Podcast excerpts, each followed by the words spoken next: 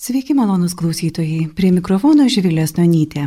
Tai laida Muzika Sakra. Ji skirta 40 minučių praleisti su įvairių kraštų ir epochų religinė muzika. O šiandien jūs kviečiu pasisvečiuoti į 17 amžiaus Prancūziją.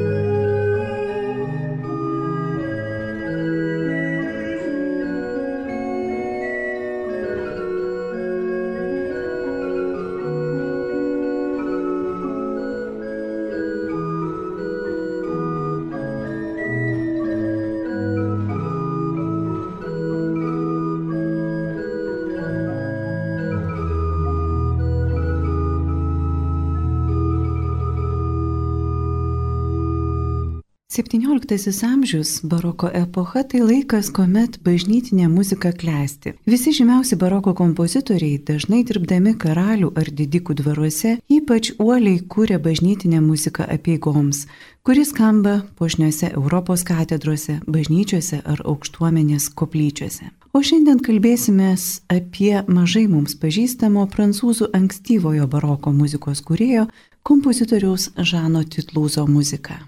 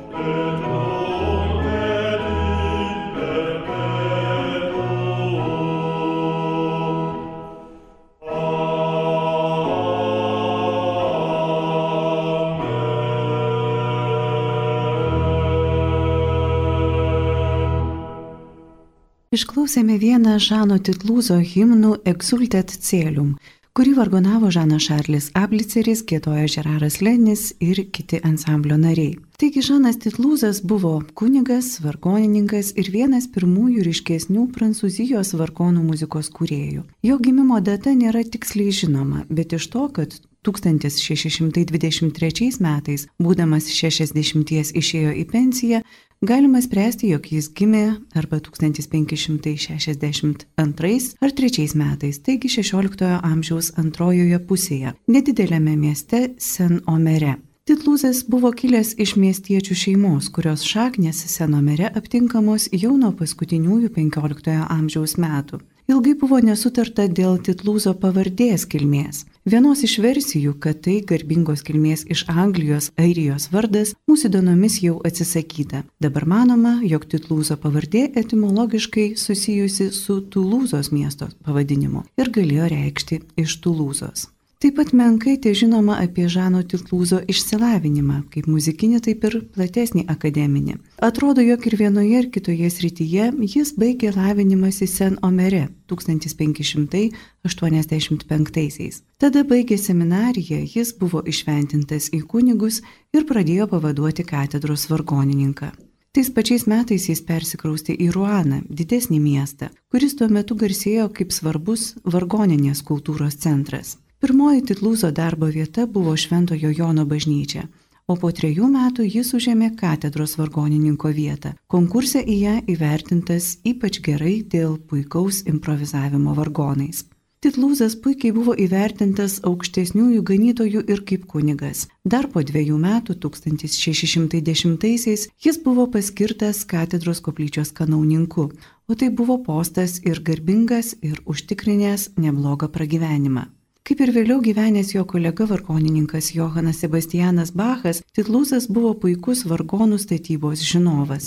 Beveik 40 metų laikotarpio įvairiuose dokumentuose randama užrašų apie jo dalyvavimą vargonų įrengime, restauracijoje ar remonte.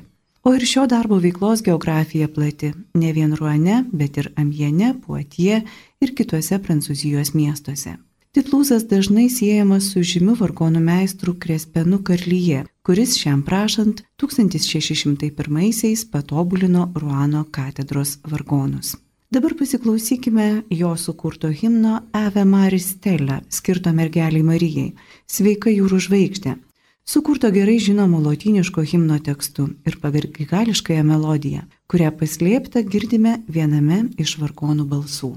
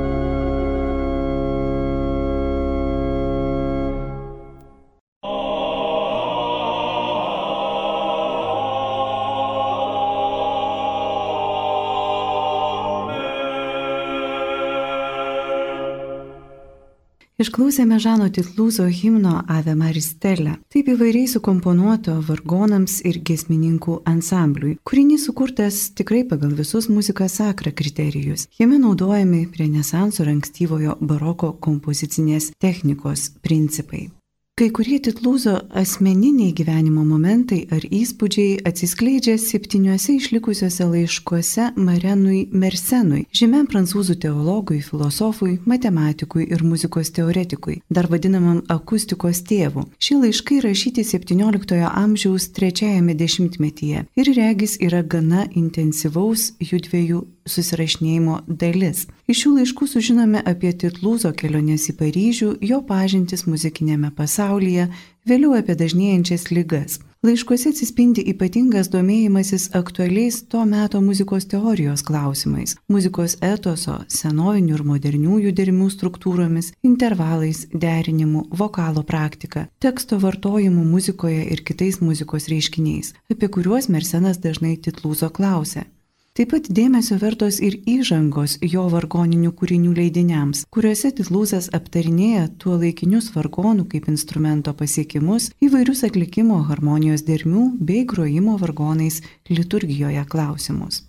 Titlūzo kūriniai vargonams užrašyti dviejose penklinėse, panašiai kaip šiandieninė fortepijoninė muzika. Jiems groti reikia labai nedaug transkripcijos, gal tik perrašyti raktus ar patikslinti chromatinius ženklus. Įdomu tai, kad skirtingai nuo vėlesnių 17-ojo amžiaus vargonų kompozitorių, Titlūzas nenurodė registruotės ir pagražinimų, o tik apibendrintai apibrėžė juos savo leidinių įžangose. Šano Titlūzo vargonų muziką sudaro kūriniai, kuriuose grigališkojo choralo eilutės numatytos gėdoti choro kaitaliojasi su vargonų intarpais. Dvylika grigališkųjų himnų, spausdintų rinkinyje bažnyčios himnai, yra trijų ar keturių dalių, priklausomai nuo to, kiek grigališkosios giesmės posmų buvo įprasta gėdoti Prancūzijos bažnyčiose per pamaldas. Vargoniniai intarpai dažniausiai dviejų tipų. Vienose himno melodija naudojama kaip pagrindinė tema, kantus firmus, kitose jį vystoma fugos stiliumi. Pirmojų atveju kantus firmus melodija vargonų partijoje pateikiama be jokių ornamentų, dažniausiai bose. Akompanuojantis balsai tuomet pina spalvingą kontrapunktą ar imitacijas. Fūginių vargonų padalų sandara artima XVI amžiaus motetui, kuriuose parafrazuojamos beveik visos himno frazės, vartojant daugelį imitacijos būdų ir taip sudarant vien polifoninę faktūrą. Tokius du himnus jau išklausėme, o dabar pristatysiu jo Magnificat. Šį kūrinį sudaro aštuoni vargoninių eilučių, kitaip versetų ciklai, kiekvienas parašytas vis kitų bažnytinių tonų iš aštuonių.